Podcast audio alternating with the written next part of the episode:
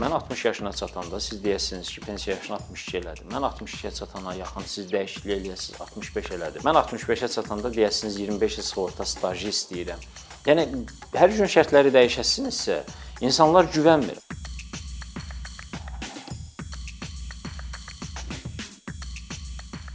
Pensiya, təqaüdlər sosial siyasətin ən vacib istiqamətlərindən biridir və tez-tez bu mövzu ilə bağlı geniş ictimai müzakirələrə biz şahidlik edirik. Bu baxımdan mən bundan başlamaq istəyirəm ki, çox maraqlı rəqəmlər var. Məsələn, son illərdə Azərbaycanda əhali arasında yaşlı əhalinin payı artmaqdadır. Çünki təbii artım nisbətən aşağı düşüb, doğulanların sayı azalıb və Azərbaycanda get-gedə yaşlı kəsimin ümumi əhali arasında xüsusi çəkisi artır. Amma maraqlıdır ki, buna rəğmən ölkədə pensiyalanların sayında isə əksinə bir trend var, azalmaya doğru gedir. Belə olan şəraitdə təbii ki, ilk öncə bu pensiya sisteminin əlçatanlığı məsələsi gündəmə gəlir. Baxımdan mən soruşmaq istərdim Azərbaycanda pensiya sistemi nə qədər əlçatandır? Siz yaşlıların sayının artmasına toxundunuz. Bəli, e, sürətlə artır və bu proses e, BMT-nin özünün qiymətləndirmələrinə görə 2050-60-cı illərdə daha da dərinləşəcəkdir. Azərbaycanda 65 yaş üzərində olan vətəndaşların xüsusi çəkisi e, bu gün təxminən 7% ətrafındadırsa, artıq 2060-cı e, ildə 16-17%-ə qədər yüksələcəkdir. E, və demoqrafik vəziyyətlə bağlı da bəli düz qeyd elədiniz. Məsələn 1990-cı illərdə Azərbaycanda hər 1000 nəfərə doğulan 20,4 uşaq var idi bu göstərici 2020-ci illərdə artıq düşübdür 8.5-ə. Yəni biz əgər bunu modelləşdirmiş olsaq, bunun bir simulyasiyasını eləmiş olsaq, əgər demoqrafik siyasət, sosial siyasətdə hər hansı bir dəyişikliklər olmasa, proses bu tendensiya ilə davam eləsə, böyük ehtimalla 2050-ci ildə müvafiq göstərici 3.5-ə qədər aşağı düşəcəkdir. Təsəvvür edin, 6 dəfə azalmadan söhbət gedir və ailələrin strukturuna da baxanda bunu görmək olur. Ölkədə təxminən 2.5 milyon ailə var və bu ailələrin artıq 1 milyon 140 minindən artıq hissəsi məhz bir uşaqlı ailələrdir. Yəni bu kifayət qədər təbii ki, ciddi bir problemdir. Tək uşaqlı və iki uşaqlı ailələrin sayı sürətlə artır. Çox uşaqlı hansı ki, Azərbaycanda bunun tərifini 5 və daha çox uşaq olan ailələr şəklində verirlər. Bugünkü qanunvericilik belə təsbit eləyir. Bu ailələrin sayı da artıq minlərə düşür. Yəni sürətlə belə bir struktur dəyişikliyi gedir əhalinin yaşında da və demoqrafik vəziyyətdə də. Və əlbəttə ki, bütün bunların fonunda və plus əhalinin artan tempini biz nəzərə almış olsaq, əslində hər il orta hesabla 30-35 min nəfər pensiyaçı sayı artmalıdır. Yəni bir məqamı da toxunum ki, burdan ola bilər tamaşaçılar üçün maraqlı olsun. Pensiya sadəcə yaşlı insanlara verilən bir e, ödəniş növü deyil. Pensiya sığorta hadisəsidir. Və e, burada Azərbaycanda bunun 3 növü vardır. Biri yaşa görədir. Yəni insanlar e, qadınlar bu gün 62, onda 5 yaşa çatanda, kişilər 65 yaşa çatanda bu pensiya onlara artıq sığorta hadisəsi yaranmış sayılır, pensiya verilir. Amma bir də bizdə əlilliyə görə pensiya var ki, bu pensiya növü hətta sizə 25 yaşında, 30 yaşında verilə bilər. Ailə başçısını itirməyə görə pensiya növü var. Bu bunlar hamısı yaşı artıq yaşdan asılı olmayan pensiya növləridir. Və əlçatanlıq baxımından statistika ilə bunu görmək daha yaxşı olar. 2018-ci illə müqayisədə təxminən ölkədə pensiyaçıların sayı 130 minə yaxın azalıbdır. Yəni 2021-ci ilin sonuna rəsmi rəqəmlərə görə 1 milyon 200 min artıq pensiyaçı var, hətta 1 milyon 197 min. Hansı ki 2018-ci ildə bu göstərici 1 milyon 340 min ətrafında idi. Yəni burada kəskin azalma vardır və bu azalmanın iki mühüm səbəbi var. Bir 2017-ci ildə aparılan pensiya islahatları adı altında aparılan proses nəticəsində pensiya sisteminin özünə edilən kəskin dəyişikliklər idi. Burada fundamental dəyişikliklər edildi ki, bunlardan yaş həddinin artırılması mərhələli şəkildə qadınlarla kişilərin yaş həddinin eyniləşdirilməsi siyasətinin ortaya qoyulması, pensiya hüququnun yalnız iki halda təsbit olunmasının mümkünlüyü, hansı ki, bir 25 il sığorta stajı tələbi, 2 pensiya kapitalı, minimum pensiya kapitalı tələbini yerinə yetirilməsi, hansı ki, minimum pensiya kapitalı və s. bunlar yeni daxil edilirdi bizim pensiya sisteminə.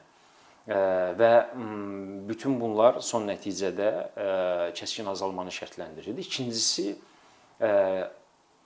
əvvəlki dövrlərdə səriştəsiz idarə etmədən, rüşvətxorluqdan, korrupsiyadan qaynaqlanmış nöqsanların aradan qaldırılması ilə bağlı hökumətin həyata keçirmək istədiyi bir siyasət. Yəni ən azından belə kommunikasiya eləyirlər cəmiyyətə ki, bundan əvvəlki idarə etmə zamanı Əmək və Əhalinin Sosial Müdafiəsi Nazirliyi və onu da qeyd edeyim ki, bu xüsusilə də əlillərlə bağlı məsələdir, pensiyanın təyin edilməsi ilə bağlı məsələdir və əlillərlə bağlı pensiyanın təyin edilməsi çox mürəkkəb bir prosesdir. Burada bir qurum iştirak eləmir. Burada bir neçə qurum, amma mülki aspektdən baxanda əsasən iki qurum iştirak edir. Bir Sosial Müdafiə Nazirliyi və bir də Səhiyyə Nazirliyi. Yəni burada digər tərəfdən məsələn hərbiçilərə münasibətdə artıq burada tamamilə hərbi deyək ki, həkim komissiyasının qərarları var və s. yəni başqa-başqa aspektləri də var. Yəni ən azından burada mütəşəkkil şəkildə korrupsiyalaşmadan söhbət gedirdi. Yəni iki qurumun burada çox ciddi şəkildə prosesi nöqsanla aparmasından söhbət gedirdi ki, bu gün onu aradan qaldırma adı altında bir çox əlillərin pensiyası kəsilir və pensiyanın təyin etməsi kifayət qədər mürəkkəbləşdirildi. 2020-ci ildə əlillərlə bağlı əlilliyin qiymətləndirilməsi ilə bağlı ümumiyyətlə yeni metodologiyaya keçildi.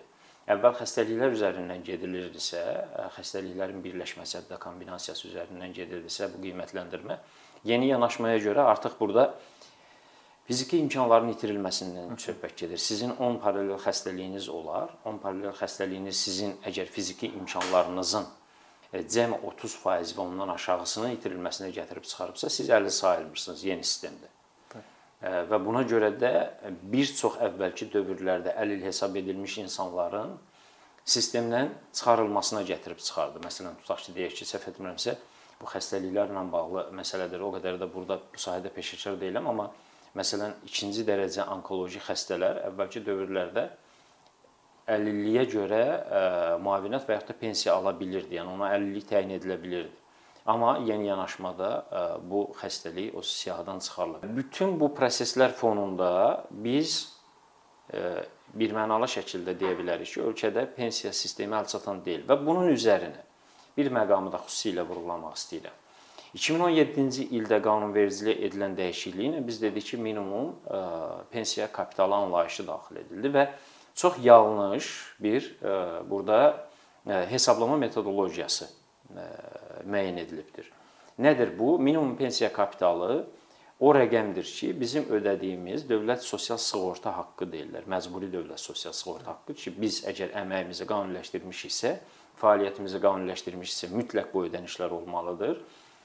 Bunun toplanan ə, rəqəmlərinin 90%-nə bərabərdir. Yəni hər ay ödədiyimizin 10%-i bizim ə, keçirilir ə, deyək ki, fondun balansına, onu idarə etməsi və digər xərclərinə, çünki orada təkcə pensiyanın verilməsindən söhbət getmir, başqa xərclər də vardır. 90% bizim fərdi hesabımızda oturur və bu toplanan vəsaitlər ildə bir dəfə də indeksləşdirilir. İstehlak qiymətləri indeksi ilə inflyasiyaya görə indeksləşdirilir.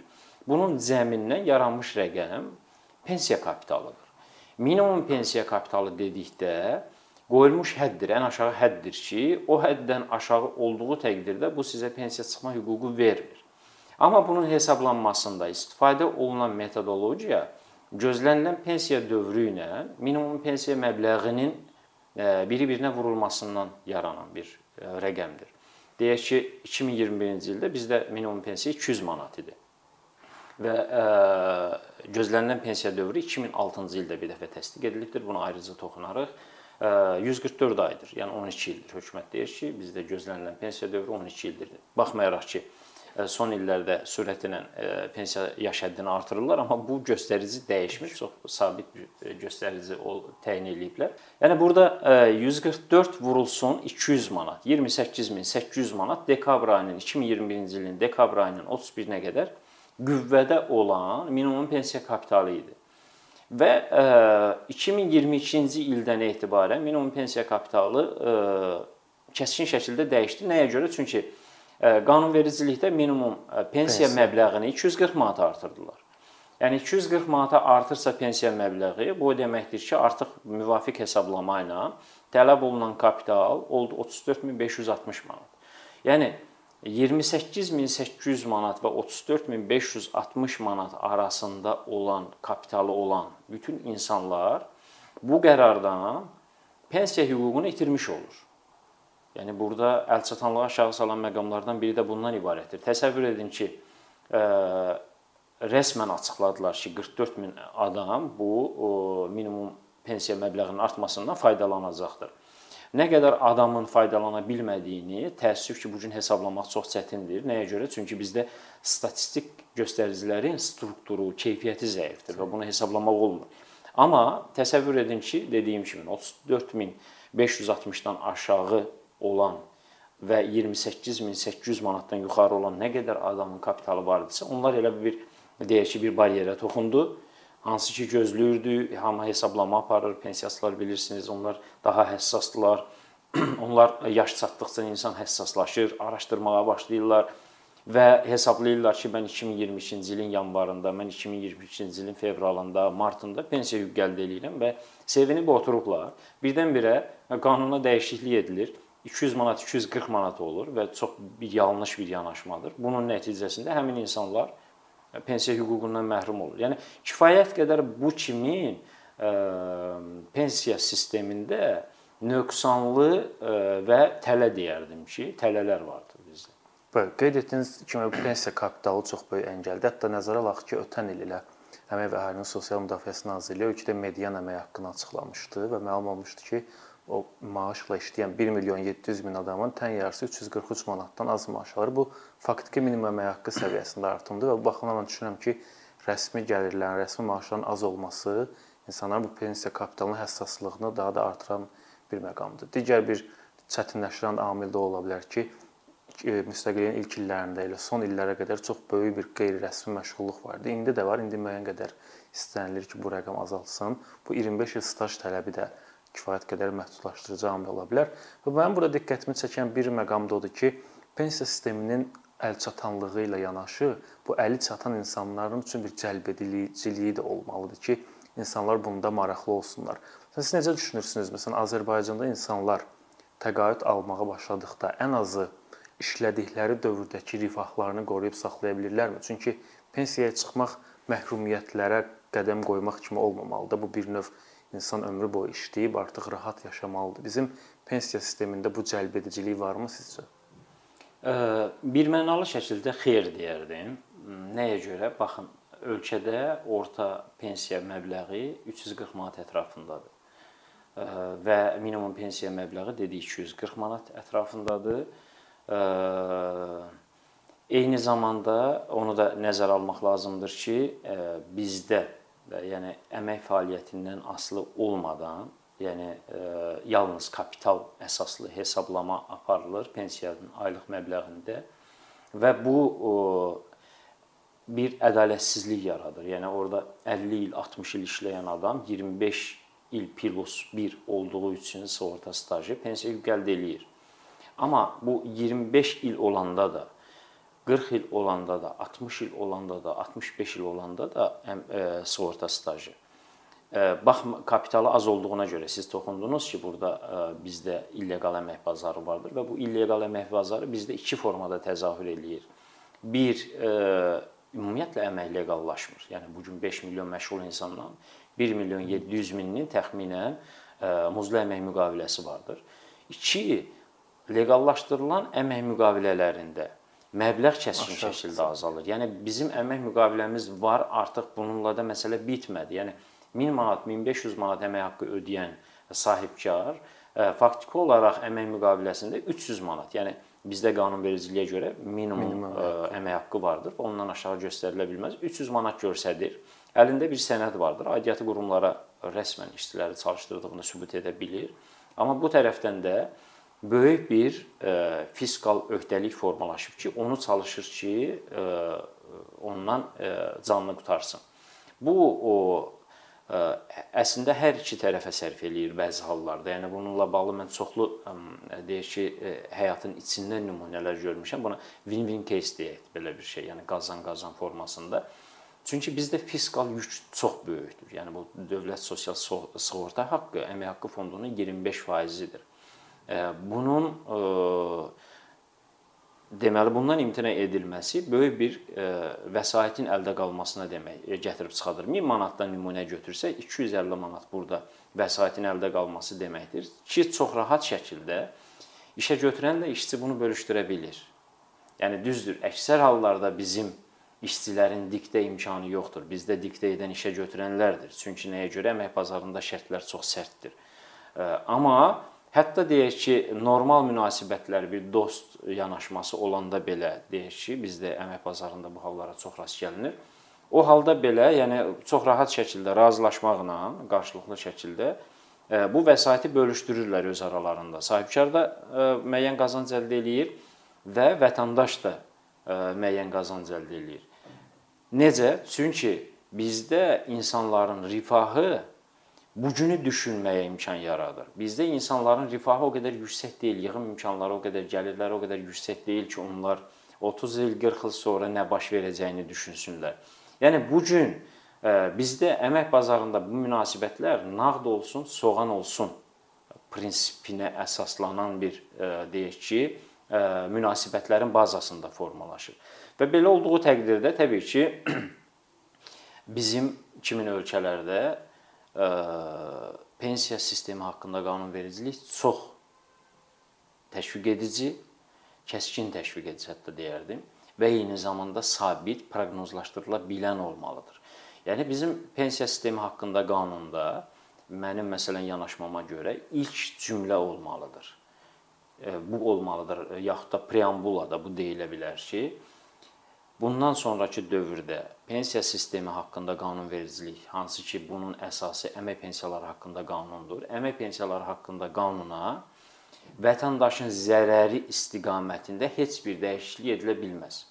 Belə bir təminat verilməlidir. Siz əgər mən 60 yaşına çatanda siz deyəsiniz ki, pensiya yaşını 62 elədim. Mən 62-yə çatana yaxın siz dəyişiklik eləyəsiniz 65 elədim. Mən 65-ə çatanda deyəsiniz 25 il sığorta stajı istəyirəm. 25 il sığorta stajının istəməyi də başqa bir problemdir. Onu da biz aydınlaşdırarıq. Yəni hər gün şərtləri dəyişəsinizsə, insanlar güvənmir. Açığı insanlar bu gün Dövlət Sosial Sığorta Fonduna ödədikləri o, məcburi sığorta haqqını biyar, töycü, itki kimi qəbul edirlər. Beyinlərdə belə formalaşıbdır. Və mütləqdir ki, mən hər zaman bunu qeyd eləyirəm bizim kimin ölkələrdə hansı ki bizdə əmanəti insanlar 3 aylıq yerləşdirir. Əmanət hətta dövlət deyək ki, buna təminat verir. Əmanətlərin sığortalanması mexanizmi var. Ona belə yenə də ehtiyatla yanaşır. 3 aylıq, 2 aylıq əmanət yerləşdir. Yəni belə bir insana, belə bir e, kütlə ilə işləyəndə sən buna 50 il bundan sonrakı dövrdə, 40 il bundan sonrakı dövrdə ahıllıq dövrünü bu gündən düşün və bunu bizə etibar elə deyə bilmirsən. Çünki bu yanıbdır, bir neçə dəfə yanıbdır və oradan çıxarılmış dərslər vardır və sən bu güvəni ona verməlisən. Sən gündə qanunları dəyişəndə bu olmaz. Və dediyim kimi ikinci məqamda məhz qanunvericilikdə sabit ümumiyyətlə bizim pensiya sistemi haqqında qanunun tamamilə yenidən təşkil edilməsi, yenidən yazılmasına ehtiyac vardır və bu qanunun uzunmüddətli dövrdə dəyişməsini məhdudlaşdıran parametrlər orada əksini tapmalıdır. Həmçinin eyni zamanda müəyyən bir hazırlıq prosesini də burada nəzərə almaq lazımdır. Bayaq mən qeyd etdim bu e, minimum pensiya kapitalı ilə bağlı hesablama metodologiyası. Məsələn, tutaq ki, deyək ki, bu kimin ə, e, kəskin situasiya dəyişikliyi yaradan məqamlarda zaman tanınması məsələsi. Məsələn, 3 il sonra bu o, tətbiq olunacaq. 5 il sonra bu tətbiq olunacaq ki, insanlar bir hazırlıq prosesinə girsinlər. İnsanlar bir uyğunlaşa ə, ona uyğunlaşa bilsinlər. Yəni elə bir ə, absurd bəzən ə, yanaşmalar var ki, bizim pensiya sistemində. Bu absurd yanaşmalar əlbəttə ki, yəni çox güvənsiz bir sistem formalaşdıracaq. Pensiya sistemi mütləq təşviq edici olmalıdır ki, İnsanlar 20 ilini, 30 ilini, 40 ilini proqnozlaşdıra bilsinlər, görə bilsinlər və buna etibar edə bilsinlər. Pensiya sistemi ilə bağlı ən çox müzakirə olunan məsələlərdən biri də yaş həddidir. Dediyiniz kimi bir neçə il əvvəl bu yaş həddi artırıldı. Kişilər üçün artıq 65-dir və qadınlar üçün də yaxın bir neçə il sonra 65 olacaq. Amma yenə dövlətin açıqladığı rəsmi rəqəmlər var ki, Azərbaycanda vəfat edən hər 2 kişidən biri 65 yaşına çatmır. Bu qadınlarda təxminən hər 3 qadından biri. Yəni ölüm yaşı getdikcə gəncləşir. Amma hökumət rəsmiləri bununla bağlı deyirlər ki, Azərbaycanda orta ömür müddəti yüksəkdir deyə bu problem yaratmır. Bu yaş məsələsi sizcə normaldırmı bazara və bizim demoqrafik şərtlərimizə? Xeyr, yəni bizim pensiya sisteminin ən ciddi problemlərindən biri də bundan ibarətdir və burada bir tələ də vardır. Gözlənilən pensiya dövrü deyilən anlayışın formalaşmasında istifadə olunur bu tələ. Baxın, yəni 65 yaşını bu gün dünyada təxminən 15-16 ölkə tətbiq eləyir. Yaponiyadır, Honkonqdur, deyək ki, Latviya, Litva, Estoniyadır, Gürcüstandır, Azərbaycandır. Yəni təxminən bu qəbildən olan ölkələrdir. 15-16 ölkədə tətbiq eləyir ki, bunlarda ən az orta ömür Azərbaycandadır. Dünya Bankının verdiyi rəqəmlərdən yola çıxmış olsa, Azərbaycanda 2020-ci ildə orta ömür 73 olubdur. 65 yaşında siz pensiya hüququ verirsinizsə vətəndaşa, bu deməkdir ki, e, bizdə e, gözlənilən pensiya dövrü 8 ildir. Hansı ki, e, həmin hesabata görə Yaponiyada, Honkonqda orta ömür olubdur 85 il. Yəni burada göstərici artıq fərq 20 ildir. Yəni bizdə pensiyaçının rahat pensiya ala bilmədiyi, normal layiqli pensiya ala bilmədiyi bir tərəfə pensiya alma müddəti də Hətta o ölkələrdən 2-2.5 dəfə azdır. Hətta Gürcüstandan, Gürcüstanda orta ömür 74-dür. Deyək ki, pensiya yaşı 65-dir. 9 il pensiya ala bilər. Azərbaycanda bu göstərici 8 ildir. Və ən mühüm problem budur ki, burada da məsələnin mahiyyətinə gedilmədən, məsələn, o dediyim 65 yaşı tətbiq edən ölkələrdə orta pensiya dövrü 16-dır. Bizdən 2 dəfə çoxdur, 16 ildir. Və ə, hökumət bütün bunları nəzərə almır. Yəni biz e, gözlənilən pensiya dövrü deyilən rəqəm sərəncamla təsdiq edilibdir. 2006-cı ildə. 2006-cı ildən sonra pensiya yaşı Azərbaycanda təxminən 15% artırılıbdır. Baxın, bir 2012-ci 10-12-ci illər artımı vardır. Hər il 6 ay, 6 ay. E, bir də 2017-dən sonrakı dövrə əhatə edən artım vardır. Qadınlarda 60-dan çatdırılması 65-ə, kişilərdə 63-dən 65-ə. Yəni orta hesabla qadınlarda 8 il, kişilərdə 5 il, bu 10 il müddətində, 12 il müddətində pensiya yaşının artırılması prosesi həyata keçirilib. Bizim gözlənilən pensiya dövrü nədənsə çox sabitdir.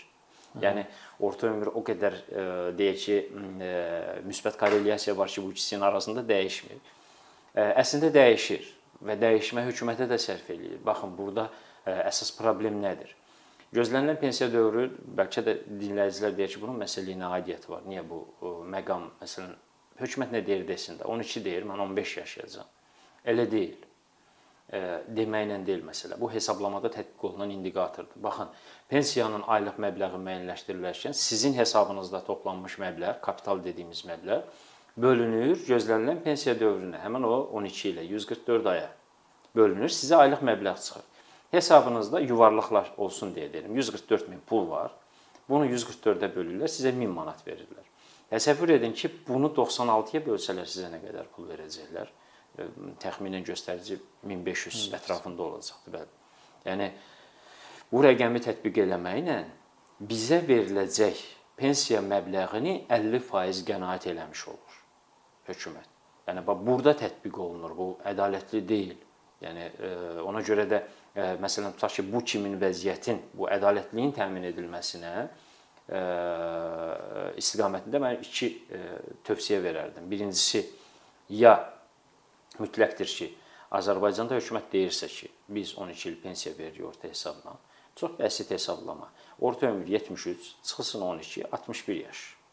Ya bu yanaşma qoyulsun, pensiya yaşı 61-ə salınsın, yaxud da gözlənilən pensiya dövrünün məbləği uyğunlaşdırılsın. Bu olmasın 12 il, olsun 8 il, bölünməsin bizim kapital 144-də, bölünsün 96-ya. Yəni çox bəsit şəkildə, amma mənim yığımım mənə sabah hansısa töhfəni versin. Yəni məsələ bundan ibarətdir ki, bu yolla bu problemi mütləq həll etmək lazımdır, çünki insanlar güvənmir, insanlar etibar etmir. Varislik hüququ da bizdə pensiya sistemində təsbit olunmayıbdır. Yəni o, o tam varislikdən söz qismən var tam varislik amma yoxdur. Buna görə də insanlar orada toplanan pulu içki kimi qəbul eləyir. Ora ödənişləri içki kimi qəbul eləyir. Bunun nəticəsidir ki, bu gün 5 milyon insan işləyir, 1 milyon 700 mini. Yəni uzun illərdə Azərbaycanda əmək bazarının leqallaşması siyasətini güya aparırlar. Nəticədə bunun hər 3 nəfərdən yalnız birinin məhz müqaviləsi var. Bəli. Çox sağ olun Rəşad bəy bu vacib və çətin mövzuda fikirlərinizi bizə verdiyiniz üçün. Sağ olun. Sağ olun.